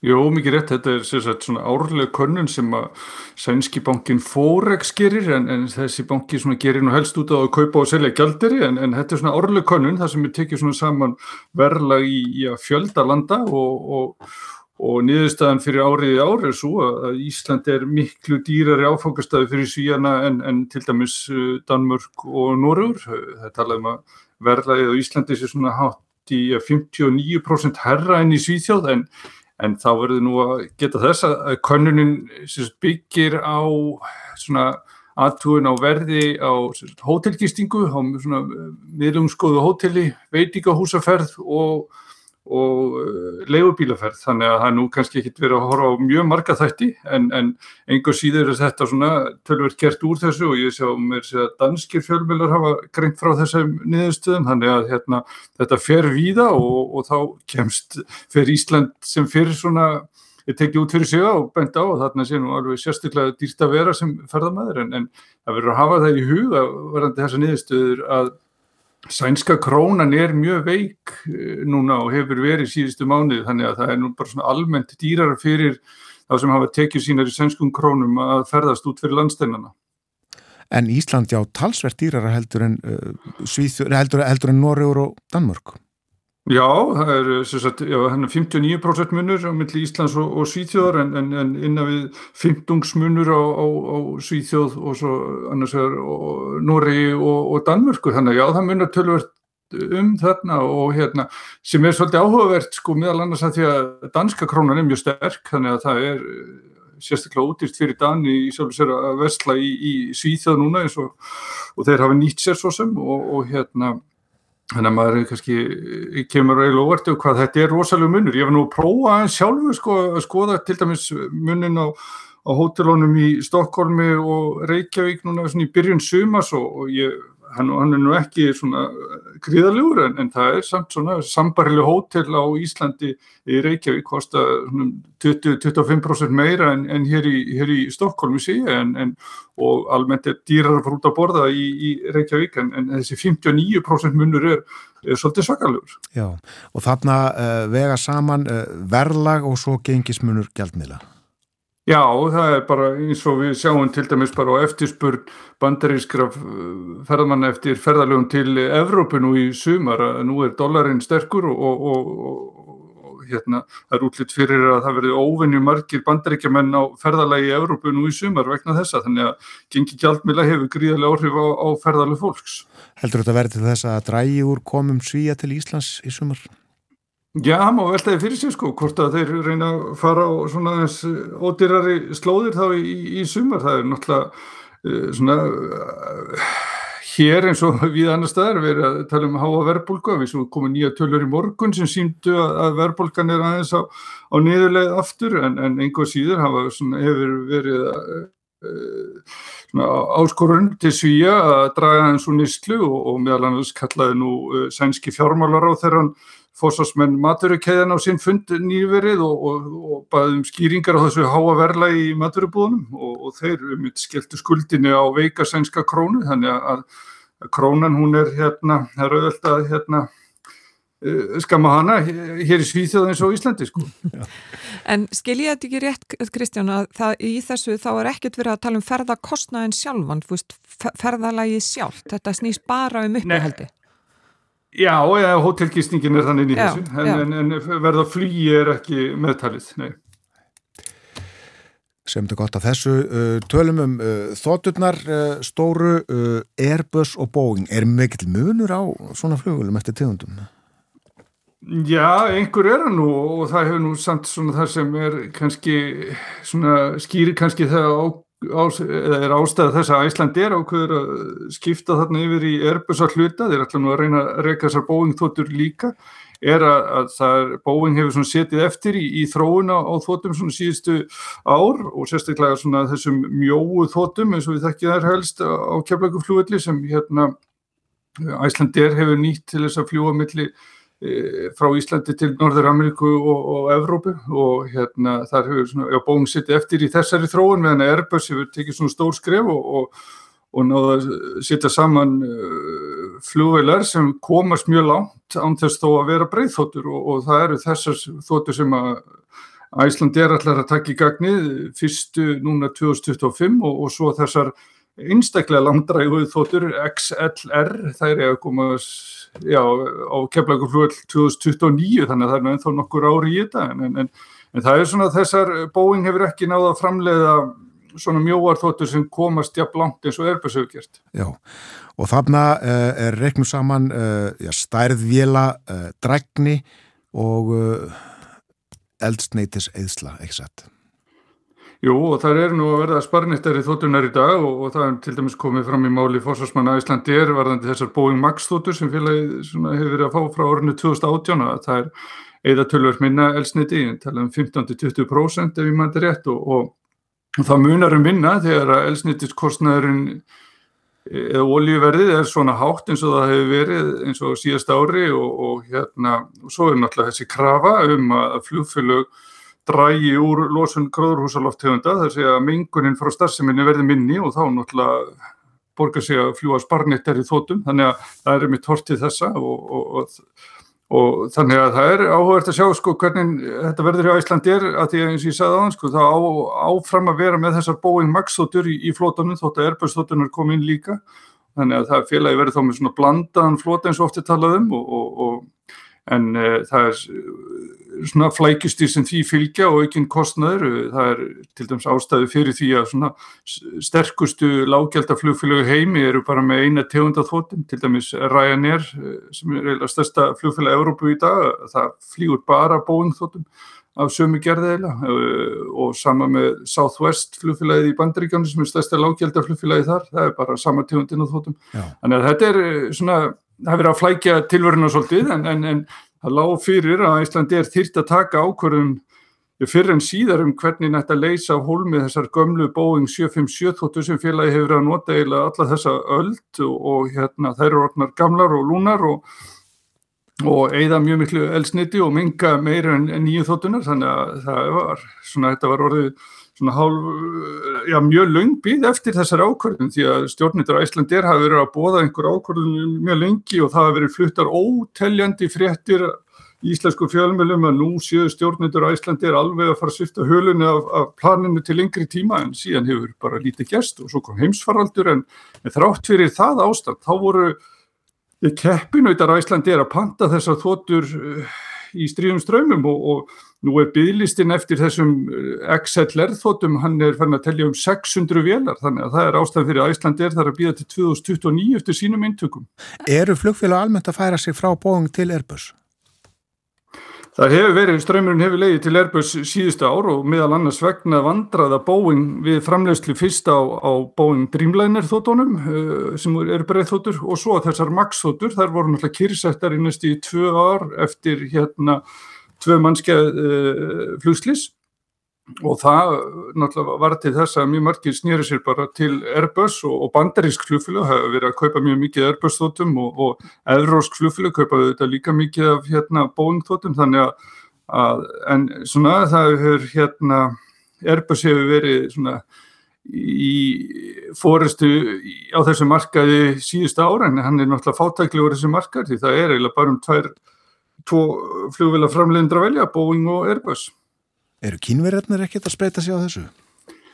Jú, þeir eru að reyna að koma sínum þóttum í loftið og, og, og rússar líka en, en það hefur svona ennþá ekki já, orðið til þess að hérna með þess að þeirra flugfélag rúsnesku og kínvesku þau eru ennþá að kaupa líka mestu Boeing og Airbus þóttur þannig að en það er kannski innan fára ára þá verður við farin kannski að fljúa í kínveskum þóttum milli, milli landa. Já. En núna, ef þú talar um að þeir fá ekki sínar þóttur aðfendar að Íslandi er fyrir 2029 en þeir munum leia, er það ekki velar, frá Airbus frá 2025 og þýðir það ekki að það er bara að stittast í að það þarf að fara að þjálfa áhafnir fyrir Airbus hjá Íslandir? Jú, það er öruglega núna að fara flugmenn æslandir að, að hérna, ég vil að slást um það hverju fá að þjálfa sig í, í því að fljúa þessum evrósku flugvelum. Eh, þannig að það er, jú, það er vendalega uh, stutt í að félagi þurfa að fara að huga þessu. Æslandir eh, hefur náttúrulega lagt tölvört upp úr því að vera með sína eigin hérna, þjálfunar aðstöðu fyrir Boeing þóttur í, í hafnafyrðinum og, og hérna og svona verið svona Boeing félag í ára tíu og, og, og það er einmitt svona áhugavert að velta því fyrir sér sko einmitt hvort að Boeing hafi sagt sitt síðasta í, í, í baráttinu um viðskipta Íslandir eða ekki en, en, en þetta verðist nú vera komin á það stíð þessi samningur að það verður ekki aftur snúið. Mikil Boeing hermir einmitt þarna á völlunum í Hafnafjörði. En uh, já, það er uh, langt í að þessar uh, vélar komi, tekur langan tíma að smíða eina flugvel? Það, það tekur nú ekkert svo langa tíma að setja hana saman en það eru íhlutir og alls konar sem tekur náttúrulega langa tíma og reyplanir og annað að setja þá saman en, en hérna og svo eru allir þessir partar oft fluttir að, aðalversmiðunum þar sem að fljóðvilanar eru bara eiginlega á færibandi og hérna til dæmis í síðasta mánuð þannig að þið bóing að hérna framleiða að setja saman 31 Uh, maksfótið, það er eina á dag þannig að það er hérna það eru tölverið af, afkvöst og, og, og hérna en þetta er þannig að þetta eru svona samstagsverkefni í hlutinu koma víða að og til dæmis Airbus er náttúrulega sjálfur sér svona samstagsverkefni í Evrópu. Uh, franska og, og þíska ríkið eiga um 11% hvort um sig í Airbus og spánverður eiga einhver 4% þannig að það eru svona í gegnum eignarhaldið eru svona ákveðin pólitísk ítök. Já, það verður ágært að fylgjast með þessu svona við hver aðtöklega er það ekki í flug og ferðaheiminum? Jú, það er, nú vennilega þannig að þegar hérna, flugfélag kynna svona samninga þá eru flugfélagframleðendunir fljótt til og, og segja frá þessu líka á sínum heimasíðum en, en Airbus hefur nú ekki, eða allan síðastir í gáði ekki gera einn frá þessu en það er sennilega því að þetta er svona vilja yfirlýsing en ekki svona endalegu kaupsamningur en, en samkvæmt því sem ég kynst næst þá já, jafngildir þetta nú eiginlega kaupsamningi en, en, en það hefur, jú, hefur verið fjallað um það að Íslandi sem hefur haldið tríðið bóing þetta lengi síðan skiptir í Airbus, það er engi spurning að það flugkerjum fylgist spenntum með svona fréttum. Play er á Airbus eða ekki? Jú, og Váer var alltaf á þannig þóttum líka, þannig að það eru hérna og við sjáum til dæmis að þessar LR þóttur sem Æsland er á að fá 2025 að, að, að það er fljóðfélagur er byrjað að nota þau til þess að er til þess að fljúa sko beint yfir allansafið, það er að segja svona mjóar þóttur sem hafa hingað til hefur eiginlega þurft að nota breið þóttur en nú eru fljóðfélag eins og JetBlue í bandaríkjónu farin að fljúa frá New York og Boston til London og Parísar og, og SAS fljúur frá Kaupmannahöfn til já, Boston og Toronto og svona þóttum þannig að þessi heimir er að breytast mér hratt þannig að keppinautar æslandir eru byrjaðir að nota svona þóttur nú þegar í svona flugi yfir hafið þannig að, að það likur svolítið áfyrir æslandir kannski að hérna já, ég myndi að svona móta sína stefnu hvað þetta var þar. Já, og stikki kostar 18 miljardar Já, en, en það er það hefur óbyrra listaverð en svo er, er nú alltaf að tala um að fljóðfjölu fái nú væna afslætti af, af hérna af flugvelónum og, og oft er það þannig að þegar það er verið að skipta kannski frá einu framlegandi til annars að þá fá félug líka svona stuðning við þjálfun á, starfsfólki og þess áttar og flugvirkjum og, og allt það sem þetta kallar á þannig að það er svona, þetta eru floknir samningar. Já, þetta er ekki átjón millir að sér um, um 12 sem sagt sem við erum að rekna til þess að meta virði þess að samnings. Nei, ég held að það sé alveg, getum alveg hérna tekið einhverju 10% í aðslátt til því. Já. Segjum þetta gott að spjalli í dag. Kæra þakki fyrir Kristján Sigurjónsson. Takk sem leiðis. Kristján Sigurjónsson í Stokkólmi segir okkur uh, fréttir reglulega hér á morgunvaktinni úr ferðaheiminum og uh, nú töluðum við um uh, Fyrst eh, þessa eh, samantækt eh, sænska bankans á kostnaðinum við að heimsækja Norðurlöndin fyrir Svíja og þar voru vegið saman bæði verlag í Londonum og svo gengismunur gjaldmiðla. Já. Þetta er svolítið snúið, dýrt að fara til Íslands, miða við Danmörku og Noreg og Finnland reynda líka hagstaðast fyrir svíðan að fara til Finnlands núna. Já, þetta er náttúrulega líka þú veist að aðteglisvert að heyra þetta með gengið áhrifin á geng, um gengið hvað það hefur mikil áhrif. Og svo í setin hlutanum voruð að uh, flugvilarnar Þótturnar, Airbus og Boeing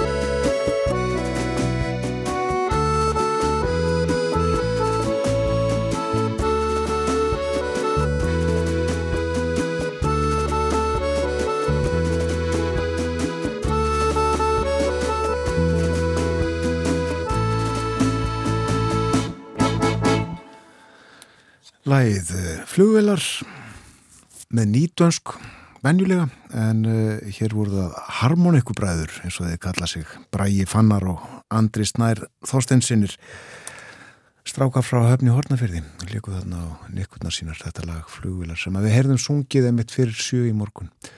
Líkum þetta í kjölfarið á spjalli um flugvelar Flugveladagur hjá okkur. Má segja það já En uh, hér á eftir þá ætlum við að tala um nýsköpun og þetta fyrirbæri sprota fyrirtæki. Mm, það er hún fýta sem við ætlum að tala við hjá Geosilika og, og við ætlum að heyra af hennar starfi þar.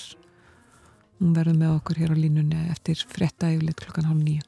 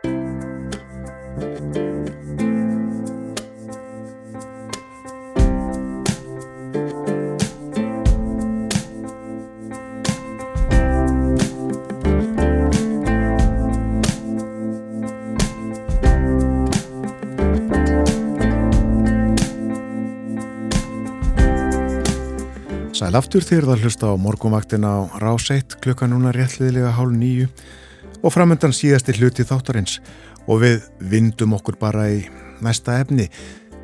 Það er mikilvægt að atvinnulíf sé sem fjölbreytast, að tilsíu stór og meðalstór og lítil fyrirtæki í ólíkri starfsemi sem bjóð upp á alls konar vörur og þjónustu og veiti fólki með alls konar mentun og reynslu atvinnu. Og að samaskapi eru sprota fyrirtæki mikilvæg. Þau verða til utanum kannski eina hugmynd sem þróast og þroskast og úr getur orðið eitthvað alveg frábært. Eða eitthvað alveg mislukkað og þá lærir fólk af reynslunni. Fýta Abu Lípti er frumkvöðull. Hún rekur fyrirtækið Geosílika í Reykjanesbæ og hún var fyrir mánuði eða svo endurkjörinn formaður samtaka sprotafyrirtækja og hún er í símanum hjá okkur. Heil og sæl og góðan dag. Já, góðan blessan dag. Þú nú verið á lista hérna hjá mér uh, frá því að, að fundurinn ekkar aðalfundurinn í samtökum sprotafyrirtækja var haldinn en uh, við erum bara að ná sama núna, þú varst í útlöndun, þú ferðarsvaltið það ekki í tengslu unna? Jú, við erum yfir til að að mæta á síningum og fara erlendis og svona byggja upp vískipti erlendis. Já. Þannig að maður ferðast mikið. Ég er að fara líka á morgun, þannig að þetta er fyrir tími. Það er einmitt það. En já, við ætlum að spjalla vitt og breytt og, og fórveitnast um fyrirtæki þitt og þetta hér á eftir en mér langar að byggja þig um að skilgreina fyrir hlustendum fyrst uh, þetta hugtak, sprotar og sprota fyrirtæki. Hva, hvað, hvurslags starfsemi fellur undir það að vera sprota fyrirtæki? Já, við hérna það er svona mismunandi skilgreiningu að við hjá samtök spótafyrirtækja algengasta skilgreiningu er spótafyrirtæki er fyrirtæki sem er sprottin úr rannsóknum eða þróun. En þetta er yfirlega viðskipta hugmyndir sem myndast í háskólum eða rannsóknastofnum eða innan fyrirtæki en þetta er svona sprottin úr rannsókn og þróun. Það er svona aðalega Akkurat. Og það á þetta við um þitt fyrirtæki Já, uh, Geosilika var eiginlega svona uh, lokaverkefni orku umhverfið steknifræði við Háskóla Íslands. Þannig hugmyndin byrjaði þar sem lokaverkefni og við heldum áfram rannsóknu þróun eftir útskrift og stopnum félag eða Geosilika í kringum hugmyndina. Þannig þetta er yfirlegt eitthvað sem byrjar í háskólanum og svo er stopna félag eða fyrirtæki í kringum það og þess vegna þetta, heitir þetta sprota fyrirtæki. En hver lengi? Það má líka vera... Fyrirgjöðu, halda áfram líka gæti sprotti, uh, sprota fyrirtæki úr fyrirtækjum líka að þess að einhver starfsmenn koma með hugmynd og er að þróa hann á stofna fyrirtæki í kringum það Já, já, já, já. Er svona, já En hver lengi eru fyrirtæki sprota fyrirtæki? Það er miðað við að sprota fyrirtæki er í stuðuverið þróun og að 10% af veldu fer í rannsóknu þróun, þá ertu ennþá sprota fyrirtæki og þegar þú ert búin að ná eina miljardar íslenska króna eða búin að skrá fyrirtækin í kauphöllina eða e, já, þá ertu ekki lengur sproti. Þannig að fyrirtæki getur verið sprota fyrirtæki í mörg ár þó að, að starfseminn sem komin á fullt og, og ekki er lengur kannski um mikla rannsóknir eða þróunar eða heldur bara framleyslu og vöru eða hvað? Já, eh, já, það er skilir því að vera með allavega, já, samtök sprótafyrirtæki að vera með að helga 10% af velduna í rannsóknu þróun. Einmitt, já. Þannig ef fyrirtækinn gerir það, e, þá er það svona, svona þetta byrjar sem sprótafyrirtæki og það er veldan fyrir að hækka nær miljardi kannski, þá fyrir við að kalla þetta svona nýskupuna fyrirtæki. Þannig þetta er byggt á einhverju hugmynd og nýskupunar hugmynd og er ekki spróti lengur. Einmitt. Hefur einhverja hugmynd um hversu mörg fyrirtæki eru á þessu stígi, mörg fyrirtæki í landinu að geta talist til sprota fyrirtækja? Um, nei, ég hætti þessi ekki búið að taka saman en allavega hjá samtök sprota fyrirtækja eru um 60 fyrirtæki sem eru meðlumir. Þannig að þetta er miklu, miklu meira út um allt land og úr öllum háskólum. Þannig það væri áhugavert að taka, já, að halda utanum þetta. En Við vitum það ekki en við vitum að hérna, tekur úr hérna, hugverka yðna hefur verið að halka með árum og náði alveg næstu 200 miljardar krónu í, í fyrra. Þannig, já, hugverka yðna er öll, öll fyrirtæki til dæmis sem eru sprota fyrirtækja í nýsköpun, í tölvuleika geranum, allt sem er tengt hugverka yðna og hægt að sæka um ynga leifi á hugmyndirnar. Já. Og uh, starfsmannafjöldin er hann uh, misjafn, uh, sumstaði kannski tveir, þrýr eða hvað og, og svo eitthvað fleiri annar staðar? Já, þessi skilgræningu hjá Európa-sambandi SNI, líti fyrirtæki, það er minnan 50 starfsmenn. En á Íslandi er þetta já svona kringum 20 starfsmenn meðaltal hjá sprota fyrirtækja. Og það er mitt eins og við hérna ekki, þessi líka í Reykjanesbæð Ja, ég veist hérna atvinnulífi hérna eða svona eina uh, svona atvinnutækjar í Reykjanesbæ hefa verið oft gaggrind að við erum mikið englina á stóra vinnustæðir og við erum verið fyrir áfall eftir áfall af því við erum bara með stóra vinnustæðir. Þannig það er svona að vera að reyna að auka 20 og 30 manna fyrirtæki hérna í, á Suðurnísum þá verður kannski ekki svæði fyrir áfall ef eitt fyrirtæki fyrir á hausin eða ákvæða að loka eða eins og við erum búin að fara gegnum hérna á Suðurnesum. Já, nýkkjum á því, þið er... eruð í Reykjanesbæ. Já, mm. já. Eru mörg sprotafyrirtæki á Suðurnesum? Uh, það eru nokkrir, já, og nokkrir sem eru nýskupuna fyrirtæki eins og til dæmis Algalíf og sem eru stærri fyrirtæki. Svo er saltframleysla og, og fiskjaldi og alls konar svona nýsköpun Spróta fyrirtæki er fá, þau voru miklu meira þegar Háskóla Íslands var með samstarfi keili um kennslu eh, hérna, upp í Ásbrú. Þá voru á tímabil þegar tingingin við háskóla var sterkari, þá, þá vorum við 28 spróta fyrirtæki í hérna, frumkvæðisveiturinu hér. Þannig þetta er mjög hátt í hérna, uh, uh, háð hvað, eh, svona mentunastíðum því að segja og aðgengi á hálfskólanum. Mm. En já, uh, uh, Reykjanes, þetta er ekki bara flugullurinn? Þetta er ekki bara flugullurinn, það er líka kísilinn, það er jarvarmið, það er við hefum rosalega mikið, við hefum mjög flotta auðlindir hér, við hefum, við erum með hérna, jarvarmavirkjanir og við erum með aðgengi að orgu og mikið af verkefnum að reyna auka nýtingu, bæði hérna gufu, vatn og orga og mjög áhuga verkefni í gangi eh, þurringaframlustlu og já. Og Geosílika heiti fyrirtæki þitt eh, við segjum svo hugur að, að eh, þið sækið eitthvað í náttúruna. Já, við erum að vinna uh, steinafnin sem fellur nýður með jarðhýttavatni það er að segja að við erum að nota gufan til framlustu á ramagni þarna á Íslandi.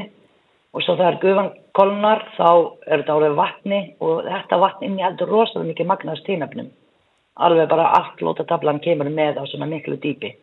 Þannig við erum að ná steinafni, svona clean mining heitir þetta á ennsku, við erum að ná steinafnin úr, hrinsa það og búa til fæðuböldefni. Já, já, já. Já. Og gengur vel? Bara mjög vel. Við byrjum hérna fyrirtækið við stofnum 2012 sem bara hugmynd á blad og tók okkur alveg nokkur ára að koma fyrsta varan á markaði. Þetta var 2016 En nú í dag erum við alveg að þetta markaðum og, og erum með svona að vaksa 20% að milla ára og bara gengur rosalega vel Já. og við ekki aðtiklið um allan heim. Þetta er eina, eina náttúrulega uppspretta af steinöfnum er úr jarðhittavatni og við erum eina fyrirtæki í heiminu sem er að gera þetta. Þannig að þetta er alveg mjög að veika aðtikluð um allan heim. Já, þetta er alveg einstakt. Mjög, já. En hvernig er að vera í svona, svona rekstri til að byrja með? Er þetta ekki erfitt? Þetta er úgeðslega erfitt. Ég myndi aldrei gera þetta aftur. Nei. þetta er rosalega erfitt. Ég var um þetta að hugsa um þetta því við vorum að fara að spjalla saman og ég hugsa hvernig á ég að útskýra hversu erfitt þetta er. En þetta er svona eins og venjulegt fólk mætir í vinnu og setur við skrifstofan sín og, og bara kvikir á tölvina og byrjar að vinna segjum það, en svona hjá sprota fyrirtæki þá mætum við vinnunni, byrja að setja sporðir saman, svo sem við stólinn saman, svo reynum við að setja tölvuna saman til þess að geta byrja að vinna.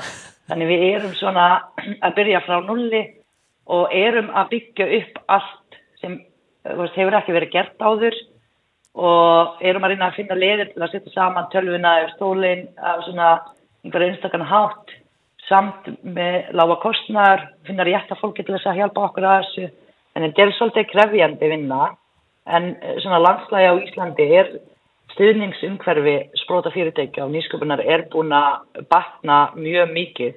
Og það er svo mikið stuðning núna við að vera spróta fyrir, eða svona nýsköpunar fyrirtæki það er alls konar hraðlag, alls konar styrkir eh, svona mikið, mikið stuðningsnett þannig að fá uh, hugmynd hérna á Íslandi og reyna að koma hugmyndin sinna framfæri er svo mikið, það er rosalega mikið handlisla og stuðningur við að koma þig á næsta skrif Gott, þetta er svona, já, gott að heyra að vel sér staðið að þessu. já Þetta var fín lýsing hjá þau fyrir á, á þessu umhverfi sem þú ætti að finna í. Ógeðslega erfitt er líka bara fín lýsing en, en hérna gaman að heyra þetta hvernig, hvernig þetta gengur En að fyrir sig. Eins, eins og þú sagðir þá tók þetta fjögur ára frá hugmynd og þar til að vara maður tilbúin. Já, og frumkvölar er svona sérstætt fólk, við höfum rosalega gaman af þessu. Og, og, og, og hérna fólk sem ákvaða að stopna fyrirtæki eða frumkvölarnir sem eru að fara í spróta verkefnum og nýskupna verkefnum eh, er að gera þetta því þeir hafa svona hugsjón og ástriðu og vilja, vilja gera þetta.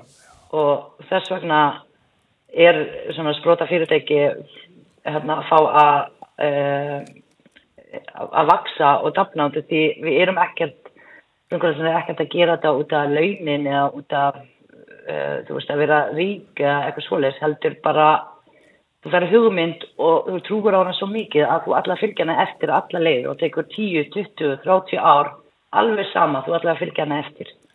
Þannig að þetta er, við höfum svo mikla ástriðu fyrir það sem við gerum. Akkurat.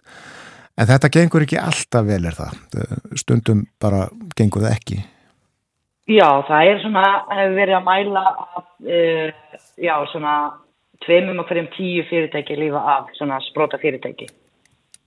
Þannig að þetta er 23 svona- að 10, sagði það Já, Já, Það er þannig þetta er alveg low success rate. En það skiptir líka máli í stuðningunni í upphafi. Að hérna, að aðstofa frumkvæla svona að eh, eins og til dæmis viðskiptahraðuna sem er í gangi núna við erum hérna klak inn á við að ég fæ hugmynd og ég fæ að koma hana inn í viðskipta á ætlun, búa til framtíðasín, fá uh, fjármagn að fjármagna þróunin og rannsóknin fyrsta skrifum. Ef við erum búin að fara gegnum þessi fasa með aðstóð, þá eru líklegari til árangur í framtíðinu. já, akkurat Þannig, já. Og fyrirtæki, e, þau reka sig bæði á styrkjum og, og svo á hlutafér það ekki? Jú, eins og hjá Akkur Geos líka þá var það fram, við stopnum 2012 til 2018 þá vorum við að reykja fyrirtæki á eigi framlag, styrkir uh, alveg á meðan við með, við vorum með rannsóknu þróun og svo eftir það þá fórum við að sæka fjármagn, fengum hluthafa uh, árið 2019 og þá eru nokkur vísi sjóðir hérna sem fjárfesta mikið af englum, svona af fólk með þekkingu úr atvinnulífi sem hafa áhuga á nýsköpun og, og, og eru að fjárfesta í nýskuna fyrirtækja. Og það, svo hefum, já, fyrir ekki, það, það, er, það er aukin áhugi meðal fjárfesta, er það ekki? Á jú, ný- það er alveg, já, það er rosalega mikið, ég held að þegar fyrra var alveg met ári fjárfestingu og nýjumsköpuna fyrirtæki í gegnum vísisjóði og, uh, og mikið af svona það var að stopna svona uh, samtök Engla fjárfesta og Nordic Ignite sem er fyrir minna verkefni, það er að segja hópur af fjárfesta sem eru að setja saman uh, stærri upphæðir í nýjumsköpuna fyrirtæki. En það verðist að vera að uh, flestir eru meira samfæri um því að þetta er framtíðin. Nýsköpun er, fjárfesting nýsköpun er góð fjárfesting. Það þarf að vera fólimæði í fjárfestingu. Þú ert ekki kannski að fá return alveg strax, þetta er ykkur 5 til 7 ár. En þetta er svona góð fjárfesting til lengdar. Já, og ekki ástæðalausu sem að þið kalli fólkið engla sem að er til í að láta ykkur hafa peninga. Já, Hva, hvað eru þið, eru þið mörg í, í geosílika í dag? við erum fimm starfsmenn hérna, og við erum með starfsfólk í, við erum mikið að selja til Evrópu, 70% af okkur tekjum koma frá Evrópu þannig við erum með starfsmenn í Breitlandi og Hollandi sem eru líka að sinna, já, við, já Og hvað heldur þið verið mörg eftir tíu ár? Ég hugsa að við verðum, já, tvefald, þarna, já, örgulega, við erum mikið að, uh, að sá um framlýsta á aðalráefni, það er okkar, hérna, sérstafa, en svo útlutum við allt annað. Þannig að rosalega mikið í nýskumina fyrirtæki, svona, uh, menningin er, að við þurfum ekki, við erum að finna upp fjólið framlýsta á aðalráefni Já. og svo kaupum við allt annað. Við ætlum ekki að vera sérfræðingur á döppun, dökkun, dreifingu, sölu, Það, það kaupum við bara þjónustan. Já, þið þurfu ekki að eiga færibandin. Nei, en uh, já, en við verðum örgulega, já, 10-15 starfsmenn eftir svona 10 árum. Vonandi gengur það allt saman eftir það. Gaman að heyri þér uh, þakkaði kellaða fyrir spjallið og, og segja okkur frá bæði uh, geosílika og, og sprota fyrirtækjum og, og þessu umhverfi sem, a, sem er hér á Íslandi fyrir sprota fyrirtæki. Já, takk, takk sem leðis. Þakkaði kellaða fyrir fýta. Njóttu dagsins. Takk sem leðis, góða helgi. Sömu leiðis. Takk. Fýta Abu Lipte. Hún er frangvátastjóri geosílika og uh, eins og framkom formaður samtaka sprota fyrirtækja. Hún er í Reykjanesbæ með uh, sína starfsemi og næsti bær við Reykjanesbæ er uh, hétt einu sinni Garður og Sandgerði en heiti núna uh, Suðunesabæri eða ekki? Jú, ég held að. Nú er minnið að svíkja mig. Við þurfum að fletta þessu upp til að hafa þetta alveg á hreinu. En uh, frá. Sandgerði uh, kemur eða kom hljómsveitir sem við ætlum að hlusta á næst. Hún heitir Klassart og uh, lægið Flugmiði aðra leið.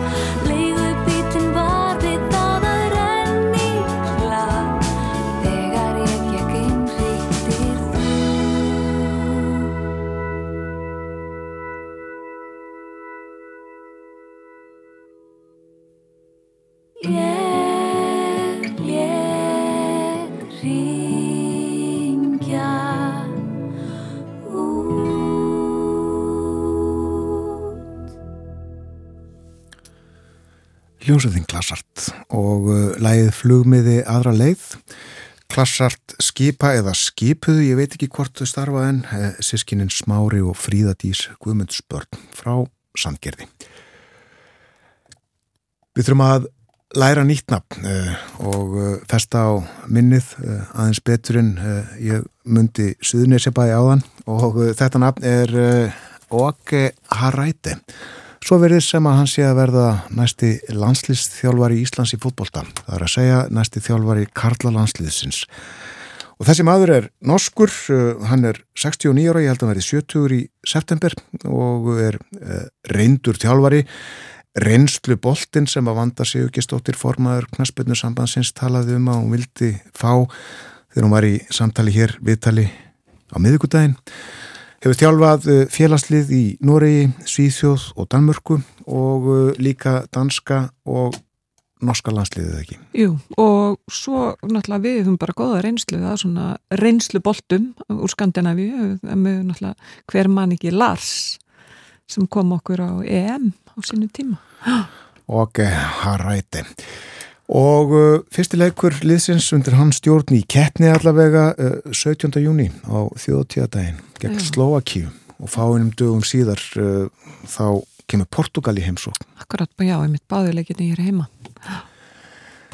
Það komið á lokun þáttarins hjá okkur helgi framundan og fólk fer á stjá um helgina uh, gerir það vanalega um helgar og kíkir á kaffjús og í uh, listasöfn og þarf um gotum uh, greina frá því að það verður mikil háttíð í öllum söfnum borgarbókasafs Reykjavíkur um helgina. Safnin verður 100 ára á miðugudaginn næstu viku 19. apríl en amælinu verður fagnað um helgina á öllum 7-8 söfnunum sérstök dagskrá sem að má finna á heimasíðu borgarbókasapsins borgarbókasap.is og uh, fórsetin kemur í heimsókn og uh, mun heimsækja nýjasta sapnið eða útibúið en það er sapnið í Úlfarsárdal Líf og fjör borgarbókasapninu um helgina og uh, ég held að það þurfi ekki að kvísla, það má tala á sömnunum allavega um helgina. Allavega alveg öruglegin í Úlfarsárdala því að það er náttúrulega bara í sama húsnæðu og ingangurinn í hérna, sundlöginna Dalslög, heitur hún það ekki. En já, klukkan að verða nýju og komið að lokum þáttanins í dag. Við þökkum samfélgina og voniði njótið dagsins og helgarinnar. Veriði sæl.